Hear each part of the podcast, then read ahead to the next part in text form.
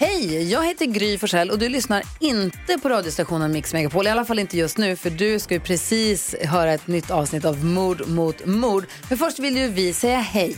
Hej, hej, det här är NyhetsJonas. Det här är Carolina Widerström. Och här är Gullige Dansken. Ja, och så Gry då. Och det vi vill säga att när du har lyssnat klart på den här podden, då får du gärna lyssna på våran. Vi spelar in ett nytt avsnitt varje morgon av våra podd Kvartsamtal. Och hela radioprogrammet blir ju också en podd om man är väldigt morgontrött eller så. Just det, om man missar morgonen ja. Men mest av allt så får du gärna lyssna på programmet i direktsändning varje morgon på Mix Megapol. Live varje morgon från klockan sex och då har vi med oss massor med vänner också. Thomas Bodström, Babben Larsson, Johan Pettersson, Christian Luuk. Massor med coola människor som bara dyker upp och gör livet bättre. Ja, som jag, Gullige Dansken. Exakt så. Och så mycket bra musik och annat skoj såklart. Så vi hörs när du vaknar på Mix Megapol. Podplay.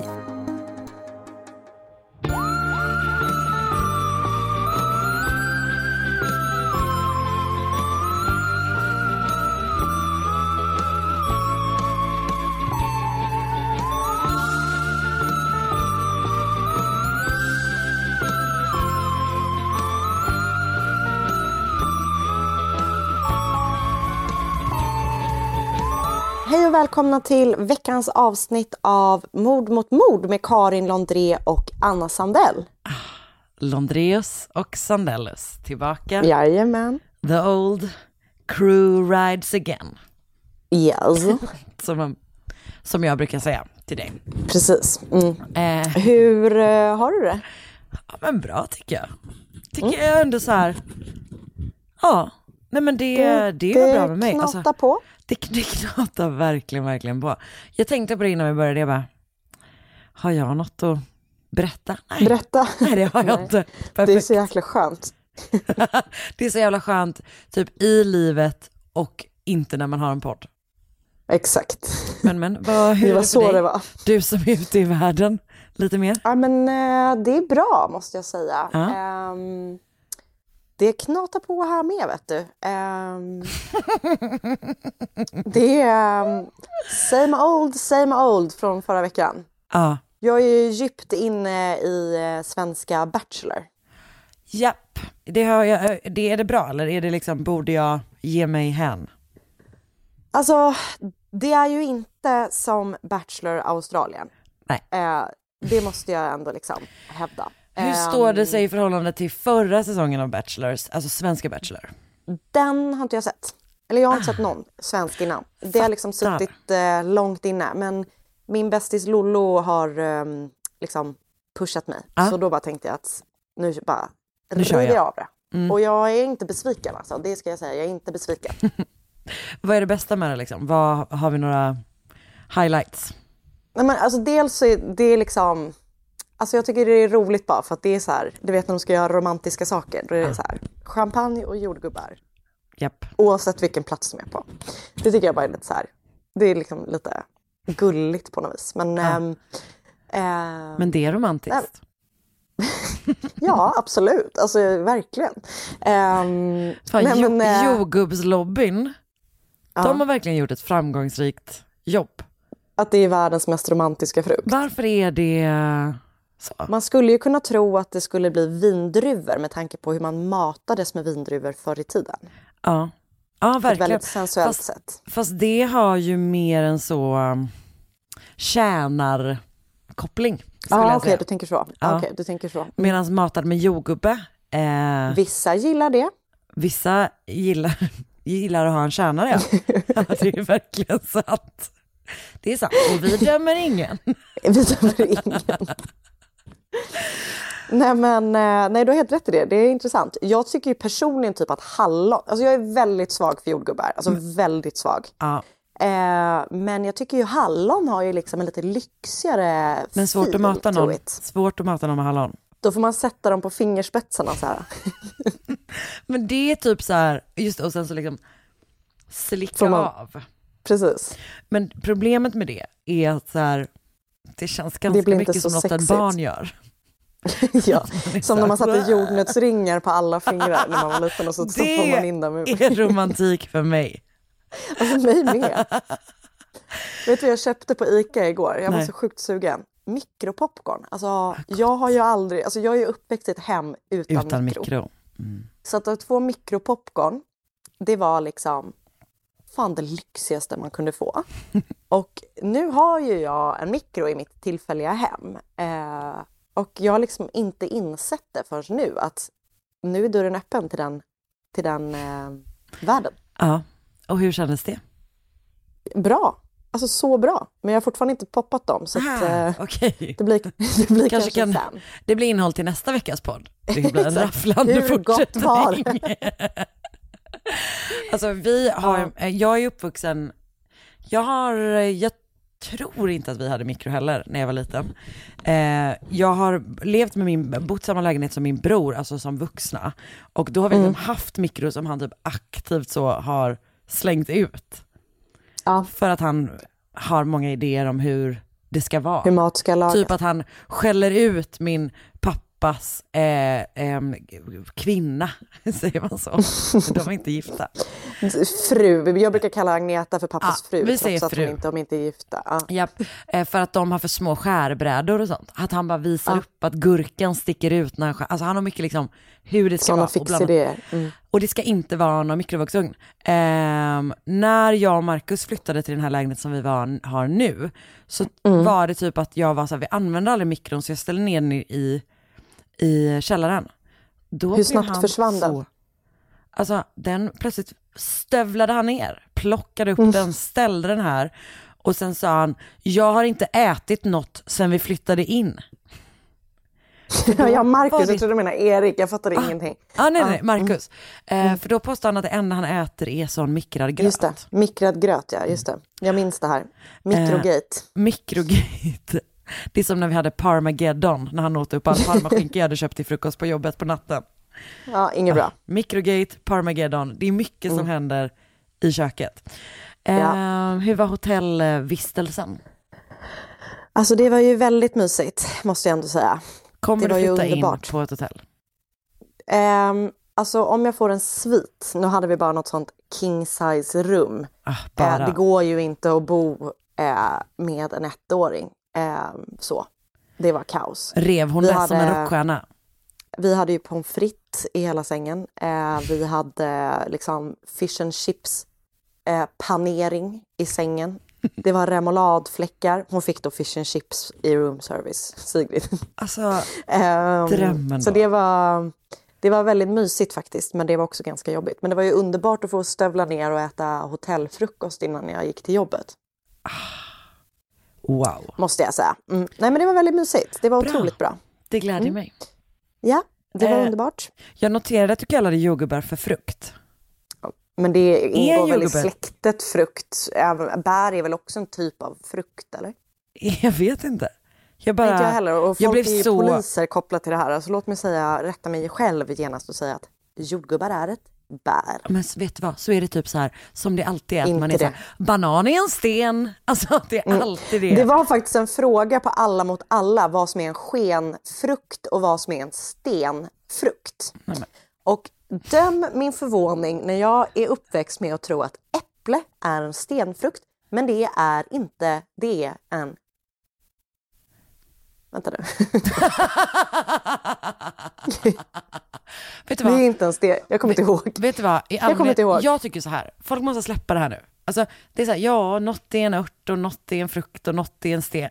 Alltså, jag, ingen, ingen av våra lyssnare, jag förstår att ni nu, just nu, är på väg in och skriva till oss hur det ligger till. Stopp, stopp, stopp, stopp. Gör det inte. Mm. Backa från tangentbordet. Ja, de plockade fram den stationära datorn för att... Jag blev hånad av min kompis för att hon tyckte det var gulligt att jag kollade, eller var det dig? Att jag kollade Facebook på datorn. Nej, det var inte jag. Nej, jag tycker inte det var så konstigt. Gulligt.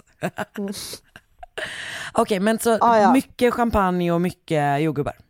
Det är det. Och, och väldigt många nya tjejer som gör entré hela tiden, vilket stressar ursprungstjejerna såklart. Ur Just det. mycket. Mm. Ja, men det kommer jag ihåg att de äh, slängde in sist också. Ja, det stirs the Mm. Det var pot. någon som sa, så som jag själv nog hade känt, jag får magsår av att vara här inne typ. Du hade Eller något haft sånt hon. panik. Ja, alltså, Jag hade ju väldigt snabbt, snabbt gett upp Bara. Alltså, ja, men jag tror typ att det är det man gör. Att man bara, ah, ja, det är väl någon annan som kommer bli jättekär här ändå. Så att jag kan ju bara hålla mig i bakgrunden och dricka min champagne. typ. Ja, för att det är ändå så här ganska, jag tror att om man bara håller sig low key så kommer man kunna få en ganska lång, ganska nice semester. Absolut, för det är flera sådana tjejer som man typ knappt har sett i bild. Så Ja. man bara, ah, du är kvar nu fortfarande. En sån tjej kan jag tänka mig vara. Mm, jag med. Om, om vi någon gång verkligen, verkligen behöver ha en semester och verkligen inte har råd, då, Då söker söker vi vi. Bachelor. Så bra. Lätt. Stelt, stel stämning, men det kommer bli bra. Det kommer bli bra. Det kommer bli jättebra. Eh, har du något annat du kollar på? Eh, nej, faktiskt inte. Jag är fortfarande på saknad, eh, inte glömd.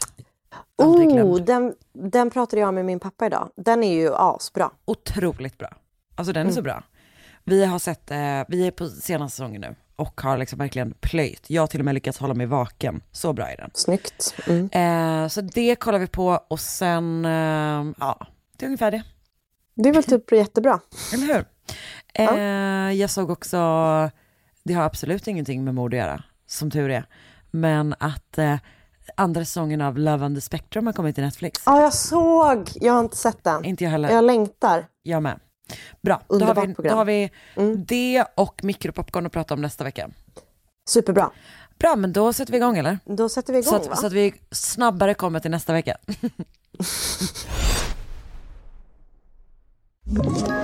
Ett poddtips från Podplay.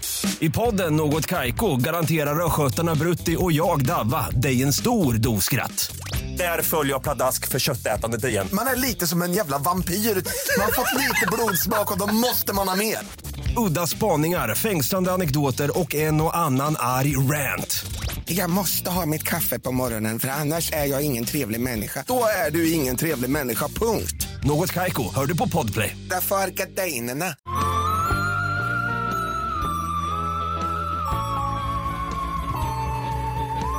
Den 23 januari 2007 lämnade den 37 år gamla Heather Garros sitt jobb på Colorado State Employers Credit Union i Greeley i Colorado där hon arbetar som Branch Assistant Manager. Hon går ut genom dörren med några av sina kollegor ut mot sin bil på parkeringen. När hon kommer ut ur porten så kommer en person i svarta kläder med typ en sån svart eh, halloweenmask i typ en mesh fram mot henne. Personen som kommer fram har en pistol i handen och skriker You ruined my life, get on the ground. Och Heather är typ så helt i chock, bara okej okej. Och sen så lägger hon sig ner på marken och så skjuter den här personen Heather med två skott i huvudet.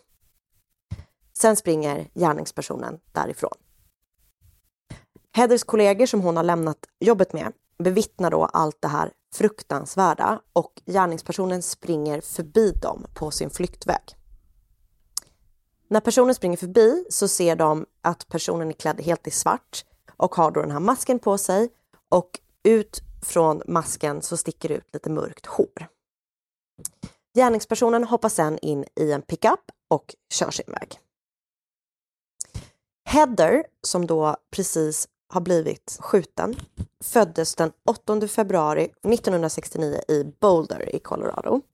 Hon verkar från det jag kan läsa mig till, eh, vilket är ganska lite, ha haft en helt vanlig uppväxt. Och efter att hon har slutat high school så börjar hon plugga på University of Northern Colorado och där träffar hon i sina tidiga 20, års, 20 år, vad säger man, i sina tidiga 20, eh, en kille I- som heter Ignacio Garris. De två blir då blixtförälskade och 1991 så gifter de sig. Han pluggar till polis och efter att han har pluggat, pluggat färdigt så blir han då polis i en stad som heter Greeley då, där det här hemska mordet skedde. Så att han är polis och hon har ett, liksom ett vanligt kontorsjobb typ. Och det verkar liksom utifrån som att de har det väldigt bra. Men i och med att han då till exempel är undercover polis i narkotikaaffärer och sånt ibland så verkar det som att deras liksom relation inte alltid är eh, liksom toppen. Men trots det så fick de en dotter 1997, sex år efter att de har gift sig. En dotter som döptes till Victoria. Och de liksom verkar ha det bra. Trots då det här att han typ jobbar mycket och inte hemma så mycket och sådär. Så är det liksom ändå så en bra, stabil familj. Under slutet av 2002 och början av 2003 så dog både Heathers mamma och pappa inom väldigt tät följd. Först dog hennes pappa i en hjärtinfarkt och inte långt efter så dog hennes mamma i sviterna av cancer. Och det här får ju, liksom, det här kanske är lite understatement, men det får ju Heather såklart att må skitdåligt. Och eh, hon, liksom, det blir för mycket för henne att hantera den här sorgen och som en följd av hennes föräldrars bortgång så blir Hedde deprimerad. Och hon får då börja medicinera med antidepressiva. Och bieffekterna av hennes medicinering gjorde då att hon blev eh, väldigt trött och hon du vet, gick och la sig direkt när hon kom hem efter jobbet. Och liksom det, deras relation blir då ansträngd av att eh, hon alltså, är deprimerad och han jobbar mycket och de ses typ aldrig och när de ses så liksom umgås de inte och sådär. Och när en person mår så som Heather gör så kan man ju tycka att det är liksom ännu viktigare för partnern att följa upp då mm. och höra hur hon mår eller vad han kan göra för henne eller du vet, bara lyssna, bara finnas till Sluta vara där. undercover cop hela tiden. Typ så. Ja. Men tyvärr så mår Ignacio typ inte heller särskilt bra. Liksom, han är stressad i sitt jobb så han är inte kapabel eller vad man ska säga att vara en närvarande man. Alltså liksom han är, ja, Han- det är liksom, han, har, han, ja, han är pressad av sitt jobb och du vet så. Så han finns inte där för henne när hon inte mår bra. Så 2004, 13 år efter att han har gift sig med Heather, så träffar Ignacio en annan kvinna. Han träffar henne på jobbet. Och hon heter Shana Nelson. Och hon arbetar typ som alltså, eh, operatör, alltså hon är så dispatcher på polisväxeln på Ignacios jobb. Ah. Alltså på polisstationen i Greeley. Så hon ringer ut ärenden på radion som då Ignacio eh, eller andra polismän svarar på. Så det börjar med då att de hörs via radion och eh, Ignacio upplevde att hon gör sitt yttersta för att alltid hjälpa honom med vad han än kunde tänkas behöva. Du vet att hon så här, ah, inte det hennes jobb? jo, det är det väl. Men "Mm, liksom, hon raggar på mig." Han, ja, men hon, hon verkar ha varit liksom väldigt flörtig och på. Du vet, så här, Ja. ah, ja. Från det då, att det börjar med att de hörs på radion, så börjar de sen stöta på varandra på så olika platser. Så de typ ses på Starbucks i Westlakes köpcenter i Green- Greeley. Och när de väl liksom har börjat ses och när de har inser så här äh, att ja, de har väldigt mycket kontakt, så börjar de då eh, småprata och de pratar om privata saker och båda två tycker då att de har det kämpigt hemma i sina egna relationer. Eh, för Shona har då precis som Agnacio liksom, problem på hemmafronten. Ehm, Men... Bara, lite störigt när det ändå är så här, ja det är inte bara din deprimerade frus fel att det är lite tufft i ditt äktenskap typ. Alltså verkligen inte. Verkligen inte. Nej. Du har helt rätt. Eh, och trots att Ignacio visste att Heather liksom hade sagt upprepade gånger att om han någonsin var otrogen mot henne så skulle hon bara lämna med en gång. Så kunde han inte stå emot. Och en dag då efter att Shona och Ignacio har mötts upp, jag vet inte om det var liksom med avsikt eller att de hade stött på varandra. Men så tar de då nästa steg i sin relation. De är då intimate med varandra. Och efter det så inleder då de en relation. Och affären är liksom lätt för dem att upprätthålla, eller vad man ska säga. För att i och med då att Ignacio jobbade så mycket att han ofta jobbade nätter och han var borta vet mycket så var det inte konstigt och Hedde blev liksom inte misstänksam om han kom hem sent eller om han till och med var borta hela nätter. Så att det är inget konstigt tycker då Heather. Så vem är då Shana Nelson som Ignacio tycker det var värt att riskera liksom hela sitt äktenskap och typ familj för? Hon arbetar då inom samma polisdistrikt som Ignacio och hon i sin tur eh, var gift med en man vid namn Ken Nelson som var vice sheriff i Wells County. Och Greeley och Wells County, det, det, det hör liksom ihop på något vis.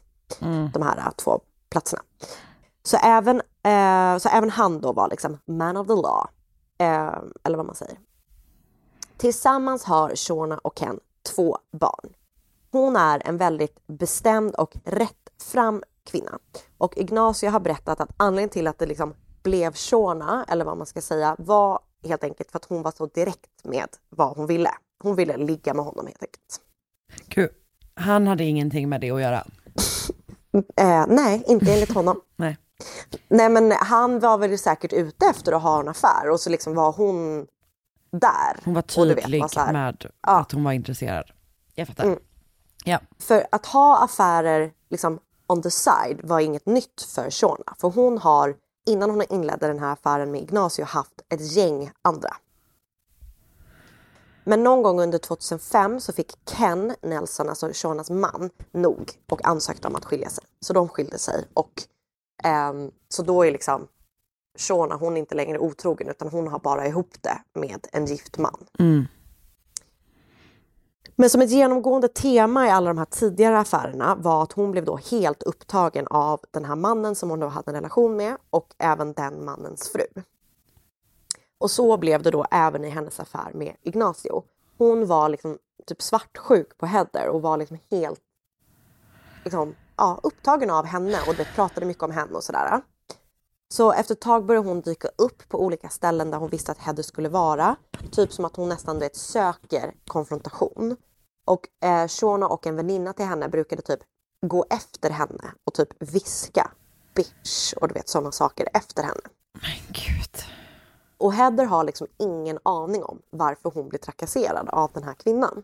Och hon typ pratar med sina kompisar, hon säger till Ignacio att hon blir då liksom förföljd typ av en person som säger saker till henne och du vet bara sådär. Så han vet så- liksom om det? Eller han, Ja. han och, och oh, gud vad hemskt. Och, och- Heather är typ såhär, vad håller hon på med? Och då är Ignacio typ, han försöker få henne, alltså Shona, att sluta trakassera hans fru. Men det gör Shona liksom ännu mer sur för att hon tycker ju liksom att han är hennes i princip. Och till sin fru försökte han typ släta över det hela med att så här, nej men hon är bara förälskad i mig liksom på distans och jag vet inte, det är inget att oroa dig för, du vet så. Men ju mer tiden går, desto mer blir han oroad av hur Shona beter sig. För hon började vet, säga till honom så här, jag älskar dig, jag, du är liksom mitt livskärlek, jag vill leva mitt liv med dig, du måste lämna din fru för mig. Och han har ju inga planer på det. Men, han, eh, men när han då säger att eh, han inte vill det så hotar Shona med att hon ska berätta om deras affär för Heather. Du vet så här, om du inte lämnar mig och berättar själv så kommer jag göra det och då kommer hon lämna dig ändå. Eh, och han försöker liksom upprepade gånger avsluta det med Shana och hon bara liksom fortsätter att jaga honom. Du vet, han, han byter telefonnummer och hon eh, söker upp honom på jobbet då istället. Och hon Men typ de fortsätter hans typ- hus. Alltså de fortsätter liksom typ ligga med varandra. Alltså, ja, för att ehm, för att hon typ använder det som du vet så här, om du inte ligger med mig nu så berätta jag. Ja. Så att han typ enligt honom då säger att det är, så här, det är hans enda sätt att inte avslöja för Heather att han har en affär. Är att Just det. fortsätta ha affären. Typ. Okej. Men det är han, det är han som, han som säger det? Det är han som säger det, Ah, absolut. Ja, Mm. Och Shona liksom är verkligen helt eh, tagen av honom. Hon tatuerar in hans namn på sitt ben. Alltså du vet, hon är väldigt så här. Japp. Och sen så händer något då under 2005. För Shona blir nämligen gravid. Och Ignacio är liksom så här, men vi kan absolut inte ha ett barn med varandra. Alltså jag vill inte lämna min fru, jag vill inte ha ett barn med dig. Eh, liksom, nej, det här går inte. Du måste göra abort. Och eh, Shona går med på det. Så hon gör abort då. Och eh, i samma veva då när hon gör abort så, och liksom, då märker väl hon att så här, ja, Ignacio verkar inte vilja ha mig, han vill inte ha barn med mig och sådär. Så då går hon tillbaka till Ken, hennes man, och typ ber om att han ska ta tillbaka henne. Vilket han också gör. Och de två så här, försöker patch things up.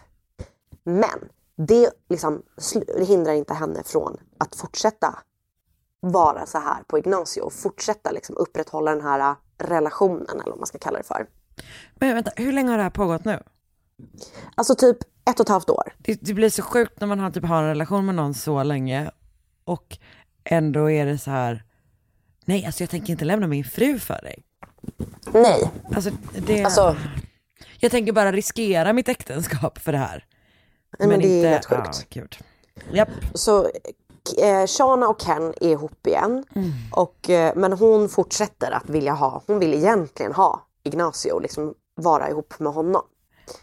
Och eh, efter ett tag så börjar Heather liksom undra vad det är med hennes man. Hon liksom förstår inte att han har, alltså att han är otrogen mot henne. Men hon tycker att han verkar stressad och mår dåligt hela tiden så hon är lite så, "Vad- hur är det? Och han bara, nej men det är bara mycket på jobbet och du vet sådär.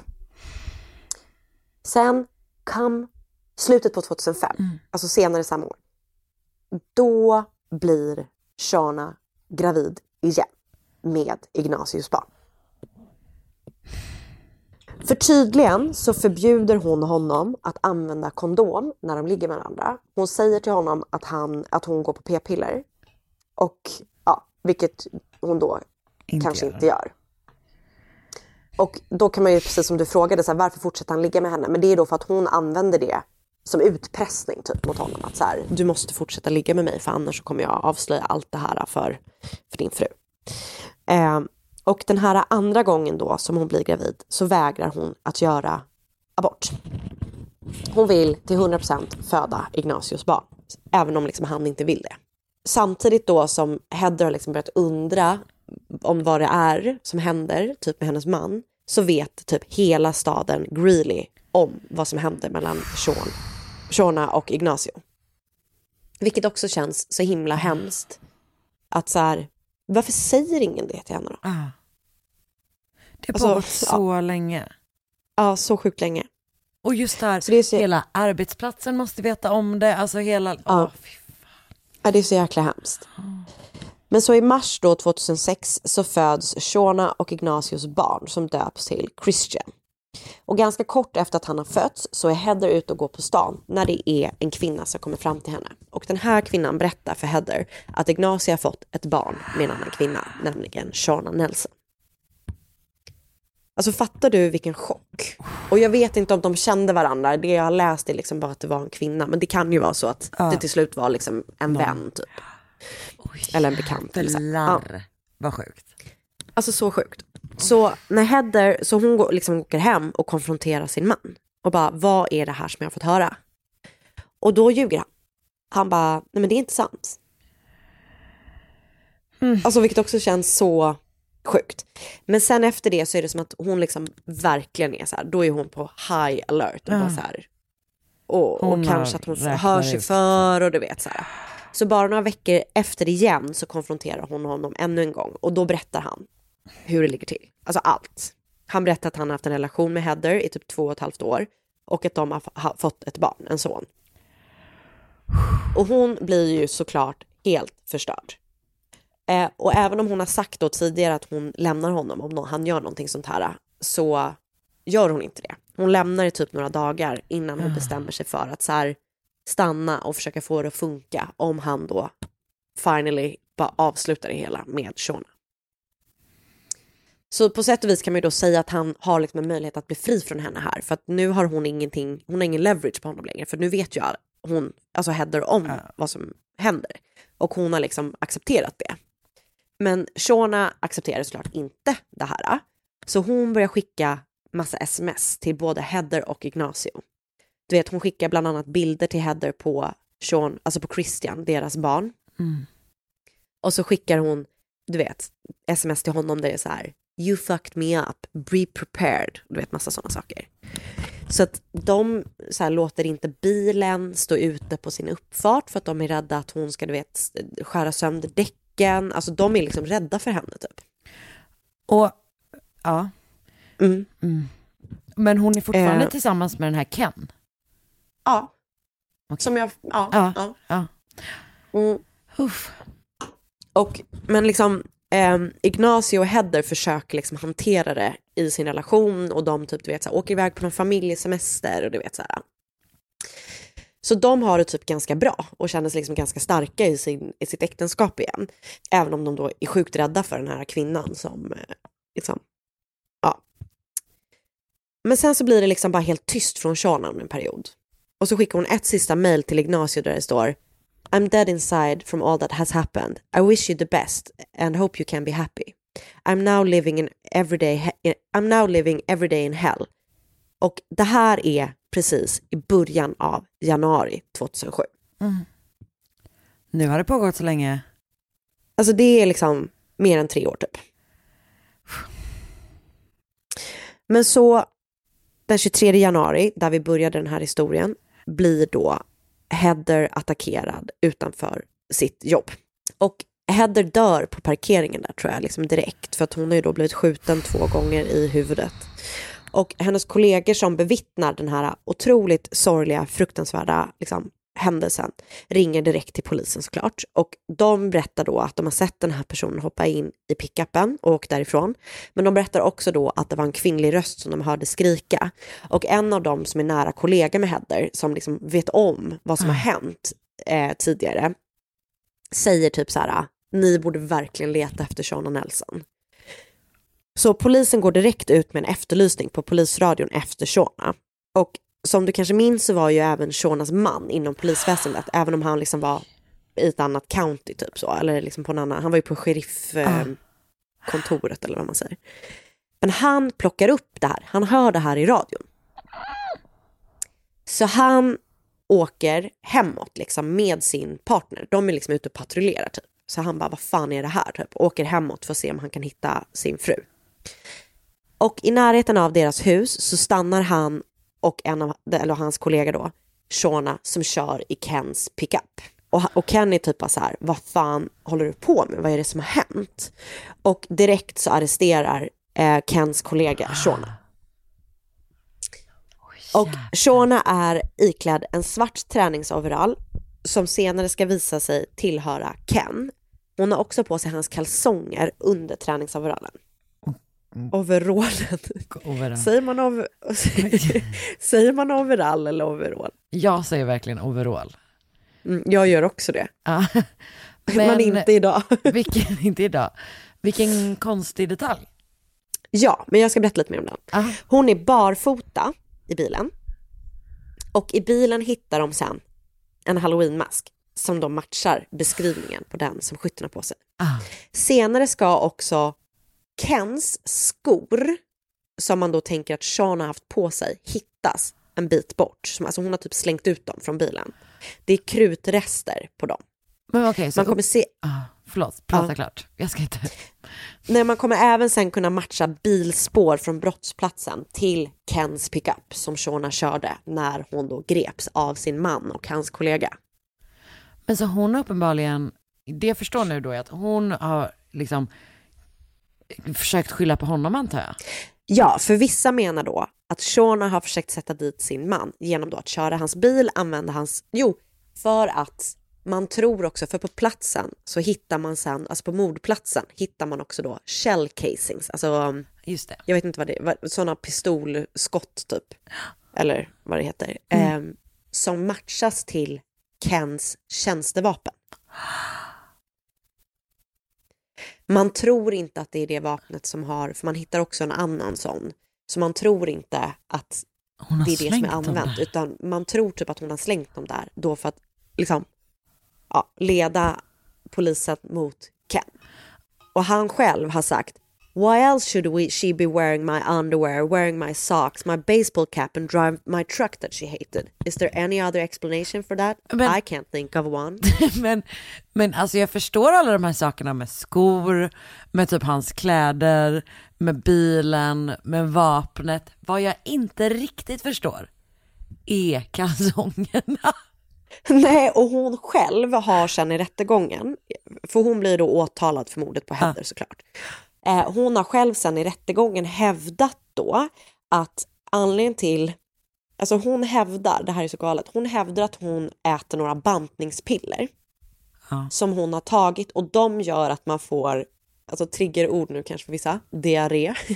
eh, och att hon då i princip alltså har bajsat på sig och har då kommit hem och av någon anledning tagit av sig hennes egna kläder och satt på sig honom, hans, Så taskigt För att- när man har bajsat på sig. för att hon fick, och så, för att anledningen till att hon har klätt på sig hastigt liksom efter att hon har skitit ner sig är för att hon ville dricka vin i badet som hon skulle hade tappat upp för att hon skulle ta då för att tvätta sig ren från sin bajsolycka. Gud, så grovt att bada sig ren. ja, jag vet. Jag vet. Men anledningen till att hon säger det är för att när polisen sen kommer hem till henne direkt efter att det här har hänt så är det redan ett upptappat bad. Så de tror typ att hon har tappat upp det här badet i för liksom, hand för att hon bara direkt ska kunna typ tvätta av sig liksom, eventuella spår. Men hon då menar att hon skulle tvätta av sig bajs i ett badkar med vatten. Man bara, alltså även om hon inte hade begått det här liksom, mordet, arrest this woman. alltså verkligen, hon behöver lite Med ett glas hygienartiklar. Alltså. Nej, men så hennes alibi då Ja. är i rättegången, för hon nekar då helt och hållet. Hennes alibi är då, säger hon, att hon var på väg till alltså, the liquor store för att köpa den här vinflaskan till sitt bad. För hon hade bara en låda corona hemma. Så. Men, eh, så hon blir det. Eh, och i rättegången då så vittnar Shonas bästa vän och tillika liksom från början kollega Michelle Moore. Och hon berättar att Shona länge har planerat för att göra det här. Och Michelle då har varit med och hjälpt henne att planera mordet. Okej. Så hon har liksom gjort en deal, Michelle då, att så här, ja om du hjälper oss att sätta dit Shona med det, hjälp av det du vet så får du ett kortare fängelsestraff.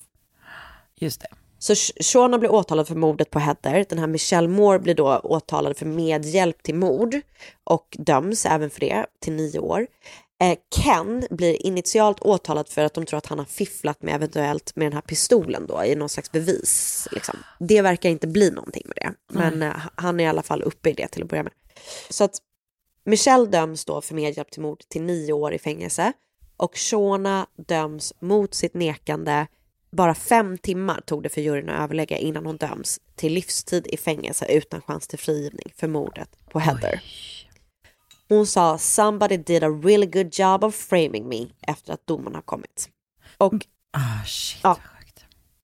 efter det här då så säger Ignacio upp sig eh, från sitt jobb och han och hans dotter, alltså han och Heathers dotter Victoria flyttar från Greeley för att börja på en ny kula. Tyvärr under 2015 så avlider även dottern Victoria i en bilolycka. Nej. Så jäkla sorgligt. Exakt vad Ignacio gör idag eller var han bor eller vet någonting sånt, det vet jag inte. Ken separerade återigen med, från Shona efter att hon hade åkt fast och han har flyttat från Colorado och uppfostrar han och Shonas två gemensamma barn och även Christian, alltså Shona och Ignacios son. Så det var mordet på Heather Garretts. Får jag fråga en sak? Ja. Vad, alltså, finns det någon information om liksom vad hon säger om vad den här relationen var? Alltså att han är så här, hon tvingar mig att inte ha på mig en kondom, alltså finns det liksom? eh, Nej, alltså jag har nej, faktiskt inte kunnat läsa. Det är bara hans, ja, det kanske jag ska, precis, jag kanske ska vara tydlig med det, att hela den här berättelsen är då utifrån, eh, utifrån Ignatius perspektiv. Ja alltså Så exakt. med jag har hans- inte hittat någonting som hon har sagt. Nej och jag antar att om hon hade erkänt så kanske det hade funnits mer, mer om, eh, o- o- om det, ehm, antar jag. Nej precis, för hon hävdar ju bara hela tiden att hon var oskyldig. Och det, vissa menar då att hon också försökte sätta dit Michelle, alltså den här kompisen, för att hon sa att de, och även de hade haft en sexuell relation. Men att hon hade avslutat den kort innan eh, det här mordet på Heather. Men ja, Vad sjukt att hennes man var med när hon greps. ah, så sjukt, eller hur? Alltså fatta chocken att höra det, bara så här, Marcus Berggren är efterlyst, om ni ser honom, grip illa kvickt. Okej jag bara, I'm going there. Men åh, Så jag, jag har lyssnat på podden True Crime All the Time. Avsnittet heter Shana Nelson. Jag läste en artikel på Oxygen True Crime skriven av Benjamin H. Smith. Jag har läst en artikel på The Cinemaholic som är skriven av Poojan Kesevan. Kesevan. En artikel på NBC, som, NBC News som jag tror är en utskrift av deras podd Dateline. Och en eh, som är skriven av Josh Man- Mankiewicz och såklart Murderpedia. Uff. Usch, vet du vad? Jag fick sån ångest av den här alltså beskrivningen av att hon liksom börjar typ bli stalkad av den här personen som hon inte vet vem det är. Som bara Alltså, så dyker läskigt. upp på ställen hon är Ja. och typ går och liksom viskar saker bakom henne. Verkligen. Det är fruktansvärt. Eh, obehagligt verkligen. Ja. Väldigt sorgligt. Jättehemskt. Mm. Åh, du, tack snälla. Tack själv. Poddtips från Podplay. I podden Något Kaiko garanterar östgötarna Brutti och jag, Davva, dig en stor dos skratt. Där följer jag pladask för köttätandet igen. Man är lite som en jävla vampyr. Man har fått lite blodsmak och då måste man ha mer. Udda spaningar, fängslande anekdoter och en och annan arg rant. Jag måste ha mitt kaffe på morgonen för annars är jag ingen trevlig människa. Då är du ingen trevlig människa, punkt. Något Kaiko, hör du på Podplay. Därför är gardinerna.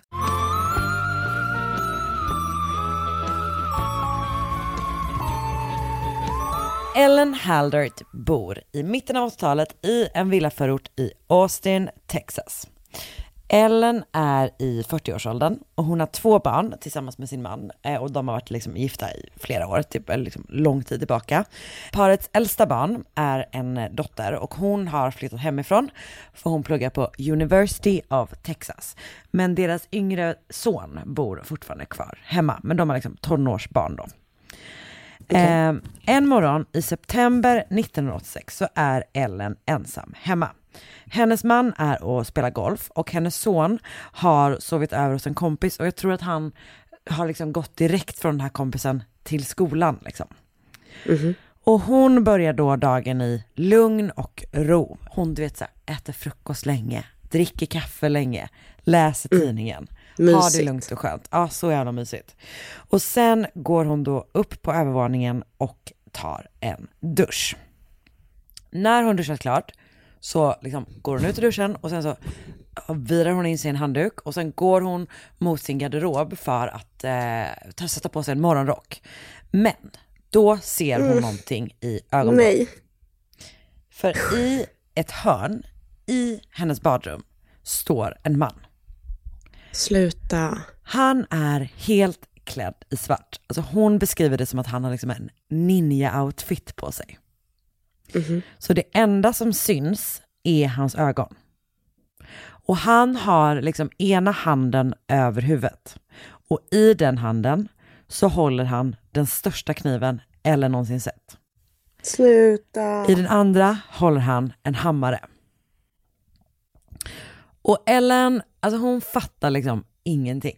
Och hennes första, det är liksom så absurt, hela situationen är så absurd, att hennes första tanke är typ så här, det här måste vara någon slags skämt. För att det är så jävla jävla konstigt liksom. Så hon börjar skratta. Men slutar liksom snabbt när han typ attackerar henne. Då börjar hon skrika att han så här ska liksom gå därifrån. Och de börjar ha, eh, men lite så liksom, de börjar liksom kämpa mot varandra. Eh, Och han slår liksom till henne så att hon typ faller ihop på golvet, men hon ställer sig upp igen och de fortsätter typ och sen slår han henne igen. Eh, så hon faller ihop igen. Och efter det så sätter hon sig på sängkanten och du vet så här, drar upp knäna mot bröstet. Eh, Jag tror att det är för att hon typ ju bara har liksom har på sig en handduk typ, så, som liksom för att skyla sig själv. Ja, ah, okej. Mm. Så hon sitter med fötterna liksom uppdragna på kanten och då går han fram mot henne med den här kniven och liksom drar den över hennes fötter. Och så säger han, jag ville bara att du skulle veta att mina knivar är vassare än dina. Va? Och den här kniven han har är liksom som en sån, eh, men du vet som en sån köttyxa liksom. Mm. Och sen så binder den här mannen liksom för hennes ögon. Eventuellt så är det så att han tar av sig sin mask och sätter på den som en ögonbindel på henne. Lite oklart, men, han, men hon får i alla fall ögonbindel. Och sen börjar han liksom fråga ut henne om så här, hur mycket pengar hon har. Han är typ så här, du bor i ett fint område, typ du måste ha mycket pengar, jag behöver pengar liksom. Och hon erbjuder honom att åka med honom till banken eller till bankomaten och typ så här, jag ger dig allt liksom. Hon säger så här, hon bara, jag kan skriva ut en check eller typ, eh, jag gör vad som helst liksom, bara du går härifrån typ. Och han säger då att, så här, jag är, att han, är liksom, han, är ingen, han har ingen fast bostad utan han, är, eller han beskriver sig själv som en drifter typ. Han har liksom varit på vägarna i två månader. Så han, han behöver pengar liksom. Och efter att de har pratat om det här så puttar han ner henne på sängen och sen binder han hennes fötter och händer liksom bakom, bakom ryggen eller vad man ska säga. Sen berättar han att han har gömt sig i hennes hus i två dagar. Sluta. Han såg när hennes pappa, alltså jag tror att hennes pappa har varit i huset och lagt nyckeln under dörrmattan. Och han har liksom sett det och sen har han gått in själv och gömt sig på vinden. Fy fan. Och därför har han ju då liksom kunnat tjuvlyssna på familjen. Så därför vet han att hennes son är hos sin kompis och sen sagt liksom ska till skolan. Och han vet att hennes man är och golfar. Så han har koll på att så här, det är ingen som kommer hem. Utan hon är liksom helt utsatt. Hon är ensam, ingen kommer och hjälper henne. Han säger att så här, när jag är klar här så kommer jag bara dra härifrån och åka vidare och ingen kommer någonsin kunna fånga mig. Sen berättar han vad han tänker göra med henne eh, liksom näst. Och det han säger då att så här, jag kommer våldta dig. Och hon liksom bönar och ber honom att inte göra det. Men han Mm. gör det ändå. Och när han är klar så går han in i hennes badrum och liksom tar en dusch. Sen sätter han på sig samma så här heltäckande klädsel som han haft på sig innan. Och Ellen är då helt säker på att han kommer döda henne. Hon ligger blickstilla på sängen och bara liksom väntar på vad som ska hända härnäst typ. När han kommer tillbaka så har han eh, en check med sig. Och den checken är på 600 dollar, alltså han har hittat den i hennes handväska liksom, så det är, är hennes sånt checkhäfte typ. Eh, Och han har då skrivit in den här summan, 600 dollar, och han har också skrivit sitt namn. Han heter Troy Wigley. Och sen säger han till henne att skriva under den. Och hon gör det, och liksom nu är hon väl ännu mer säker på att hon kommer dö. För att så här, han har ändå avslöjat sitt namn för henne liksom. Sen säger han till henne att hon ska lägga sig på golvet i badrummet. Och hon är ju fortfarande liksom bunden, så hon typ hoppa in till badrummet och där lägga sig ner på golvet och liksom bara vänta på vad som ska hända härnäst. Hon ligger då på golvet i liksom typ fosterställning när det plötsligt känns som att hennes huvud exploderar. Fy fan. Och det är då mannen som har tagit den här hammaren och liksom slagit henne i huvudet allt han kan. Sen knivhugger han henne i bröstet innan hon får ett till slag mot huvudet och sen två snabba knivhugg i nacken. Nu kommer typ, alltså av alla fruktansvärda saker som vi har hört om i den här podden, det här är en av de värsta, en sån riktig man får rysningar av. Så att, ehm, en varning liksom. För han knivhugger henne alltså i liksom skallen. Nej. Men han får liksom inte in kniven. Så han tar hammaren och liksom alltså hamrar in Sluta. kniven i huvudet på henne. Och när han har gjort det så får han liksom inte ut kniven igen. Så att han, alltså du vet, sätter foten mot hennes huvud. Och börjar liksom dra i den här kniven för att få loss den. Och till slut då så har han liksom skakat och typ hållit emot så att han får ut den här liksom köttyxan typ. Fan. Ellen ligger då liksom i en blodpöl på sitt badrumsgolv och hon är liksom så här, ibland är hon vaken men ibland tappar hon medvetandet liksom. Hon vet inte hur mycket tid som går, hon vet inte vart den här mannen är.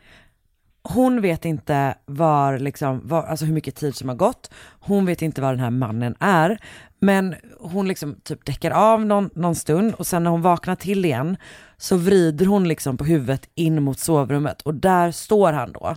Och han har bytt om och har liksom inte längre den här täckande klädseln på sig. Och han skriker till henne då att så här, bara, du vet, keep your head down typ. Och sen så kommer han in en gång till och slår henne återigen i huvudet med hammaren. Alltså fy. Hon ligger helt stilla, för hon är liksom som sagt övertygad om att så här, han kommer inte gå härifrån innan han vet att jag är död. Han går in i badrummet igen och han får liksom syn på hennes vänsterhand, där hennes vigselringar sitter. Och han börjar liksom slita i ringarna för att få av dem. Men de lossnar typ inte, så han så sliter och sliter. Och snart är Ellen så här superrädd att han kommer liksom hugga av hennes fingrar. Ja. Så hon börjar typ så här be, hon är liksom en kristen kvinna, hon börjar typ be till Gud om att så här, bara, att han bara ska få av dem så att han ska gå därifrån. Och till slut, då så lossnar de. Så mannen då tar med sig ringarna och lämnar henne på golvet. Hon har liksom förlorat massor av blod och börjar liksom, du vet så här, ja, men så som det alltid beskrivs, att hon börjar, hon blir jätte, jättekall, hon börjar frysa något helt fruktansvärt. Hon vet att så här, om jag inte får hjälp snart så kommer jag att dö. Men jag vet inte vart han är. Alltså han kanske är kvar i huset, hon har ingen aning. Åh gud. Men till slut så bestämmer hon sig då för att chansa. Så hon börjar liksom dra sig på golvet. Ut genom sitt badrum, ut genom sitt sovrum. Hon typ hasar ner för trapporna, ner till nedervåningen och får då liksom till slut tag på en telefon. Och där ringer hon till sina föräldrar. Och de ringer då ambulans. Och Ellen minns liksom, hon minns ingenting eh, mellan, alltså efter att hon har gjort det här telefonsamtalet så minns hon ingenting. Förrän hon hör sin pappa skrika när han hittar henne liksom på golvet. Fy! Usch, alltså förstår du? Och alltså, inte Nej, för liksom, alltså allting, men alltså förstår du att hitta Jag den man älskar sådär? Alltså vad fan? Nej jag vet. Okej. Mm. Och hon kan liksom inte prata, men hon hör ambulanspersonalen säga så här, she's probably not gonna make it. Och då bestämmer hon sig att hon bara, den här mannen ska liksom inte vinna. Jag tänker överleva det här. Hell yeah. Och hon har då liksom utsatts för så grovt våld att så här, hon går liksom inte att känna igen för hennes familj typ. Vad sjukt. Det tar 600 stygn. Och Shit. liksom jättemånga typ operationer och även väldigt mycket liksom plastikkirurgi för att så här, hon ska läka eh, rent fysiskt men också liksom få tillbaka typ sitt gamla utseende då liksom. Eh, men hon kommer alltså att tillfriskna helt och hållet. Alltså det är för sjukt. Jag förstår inte. Alltså jag kan inte förstå hur det är möjligt. Alltså det är verkligen helt otroligt. Alltså det här, just det här våldet mot typ skallen. Det, ja, det går inte att förstå. Troy Wigley, han grips liksom väldigt, väldigt snabbt för att han försöker då lösa in den här checken. Och när han grips så hittar man både liksom hennes blod på honom, men också hans, eh, alltså hennes vigselringar ligger typ i hans ficka.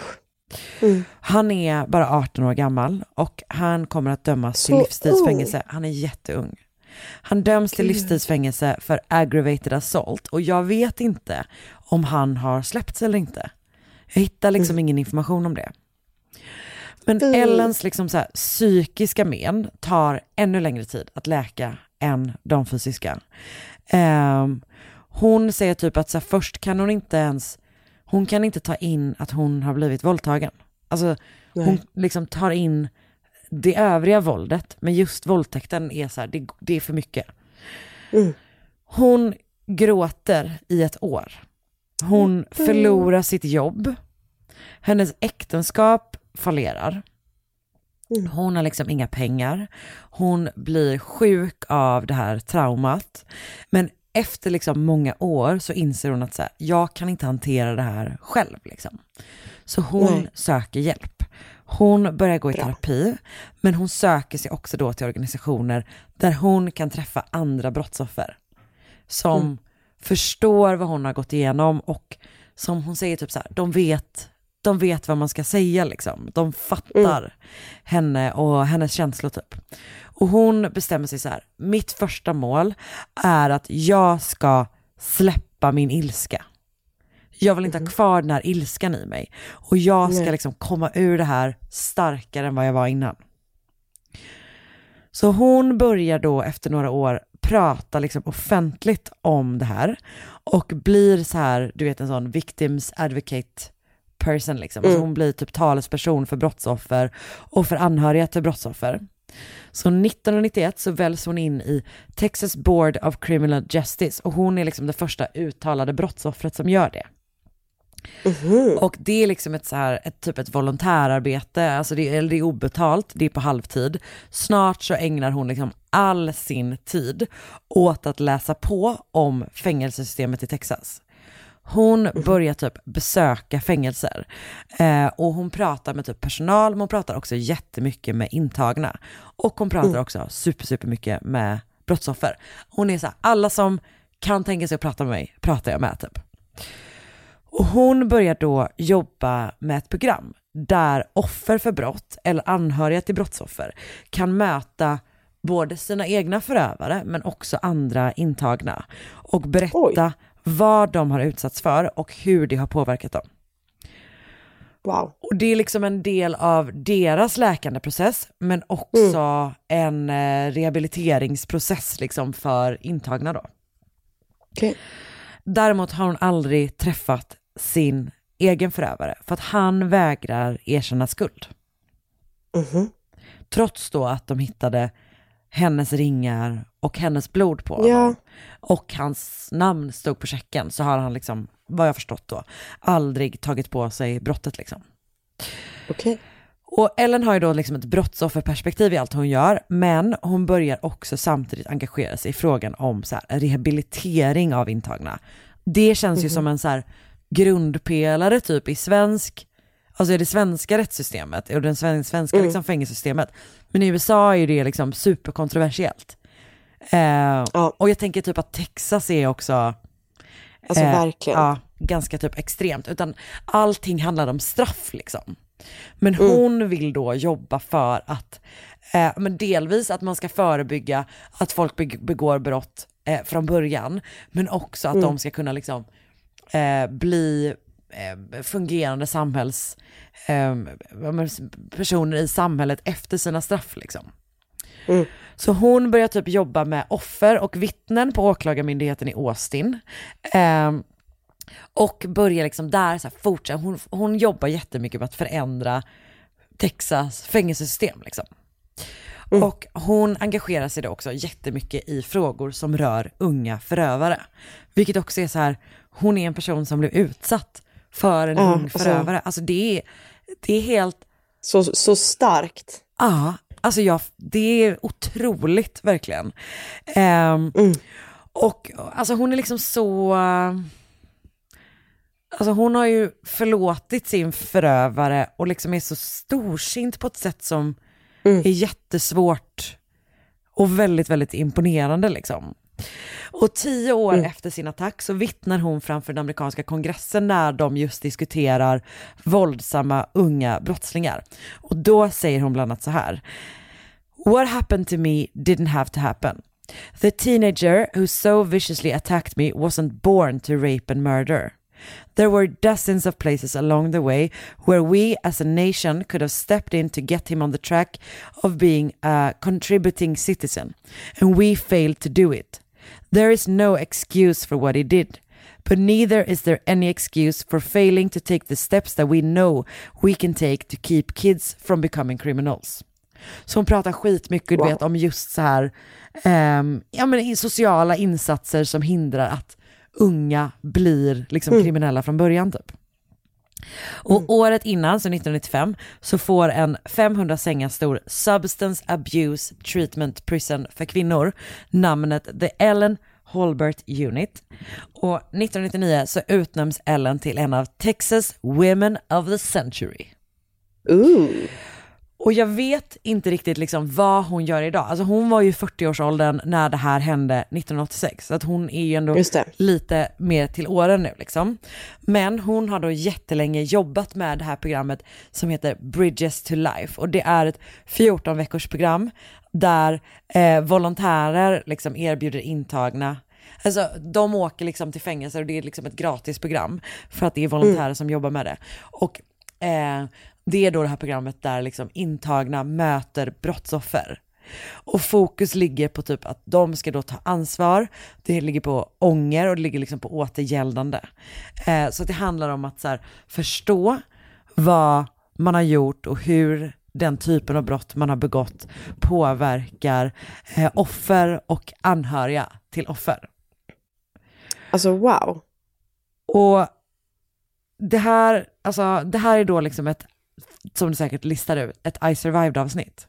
Mm. Och du vet när hon sitter och pratar om det här som hon har utsatts för, Nej. det går inte att förstå hur hon kan sitta där. Nej. Alltså det är liksom omöjligt. Alltså, Och hur hon har kommit ur har det här. rysningar. Hur hon har kommit ur det och gör alla de här sakerna. Mm. Och är liksom, är det, Nej, man kan inte fatta det själv alltså. Det är... och det är väl det som är typ styrkan just med I survived avsnittet, att man bara, hur, hur berättar du Mm. din historia själv? Hur är det möjligt liksom? Mm. Ja, otroligt. Det avsnittet är i alla fall eh, det tionde avsnittet av säsong två. Det heter Sarah, Sherman and Dee och Ellen. Och i det avsnittet så är det också, jag vet inte om du minns det, men det finns ett, ett My Favorite Murder-avsnitt där en kvinna som är gravid blir liksom Ja! lurad till ens lägenhet. Nej! Det är samma Alltså- avsnitt. Alltså, Åh det är så sjukt. Eh, och sen har jag då läst eh, Lisa Reyes intervju med Ellen för Freedom from Fear Magazine. Jodie Lemans artikel The Woman Behind the Prison Name för Horseshoe Bay Beacon. Sen har jag läst en artikel av Sherry Rose på Blurred, Bly, blurredbylines.com och sen har jag också läst då det här vittnesmålet som hon eh, gav inför kongressen där 1996. Wow. Det var Ellen Halberts eh, historia. Den är Wow, Karin. helt, helt galen. Ah, shit. Fan vad sjukt. Det var länge sedan vi gjorde en Vilken resa. Men det var dags, Mm. kände jag. Det var verkligen dags. Superbra. Åh, gud, tack för att ni har varit med oss på den här resan. Vi uppskattar det som vanligt. Tack. Underbart. Som Ehm. alltid att ha dig med. Uff, Vi hörs igen om en vecka. det gör vi verkligen. Det gör vi definitivt.